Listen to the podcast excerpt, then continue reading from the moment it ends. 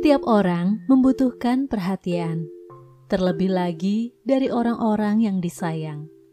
Jika kurang dapat perhatian, ada aja yang terpancar. Entah kenakalan atau cari-cari perhatian. Cari-cari perhatian ada banyak jenisnya. Dari dandanan, ulah menyebalkan, or just do something too much. Biar dinotis, balik lagi ujung-ujungnya biar dapat perhatian dan kasih sayang. Ya, setiap orang butuh kasih sayang.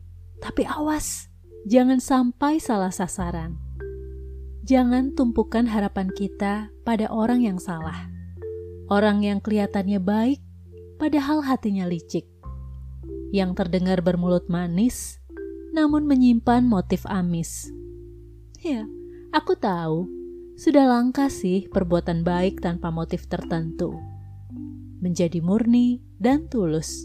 Langka kan?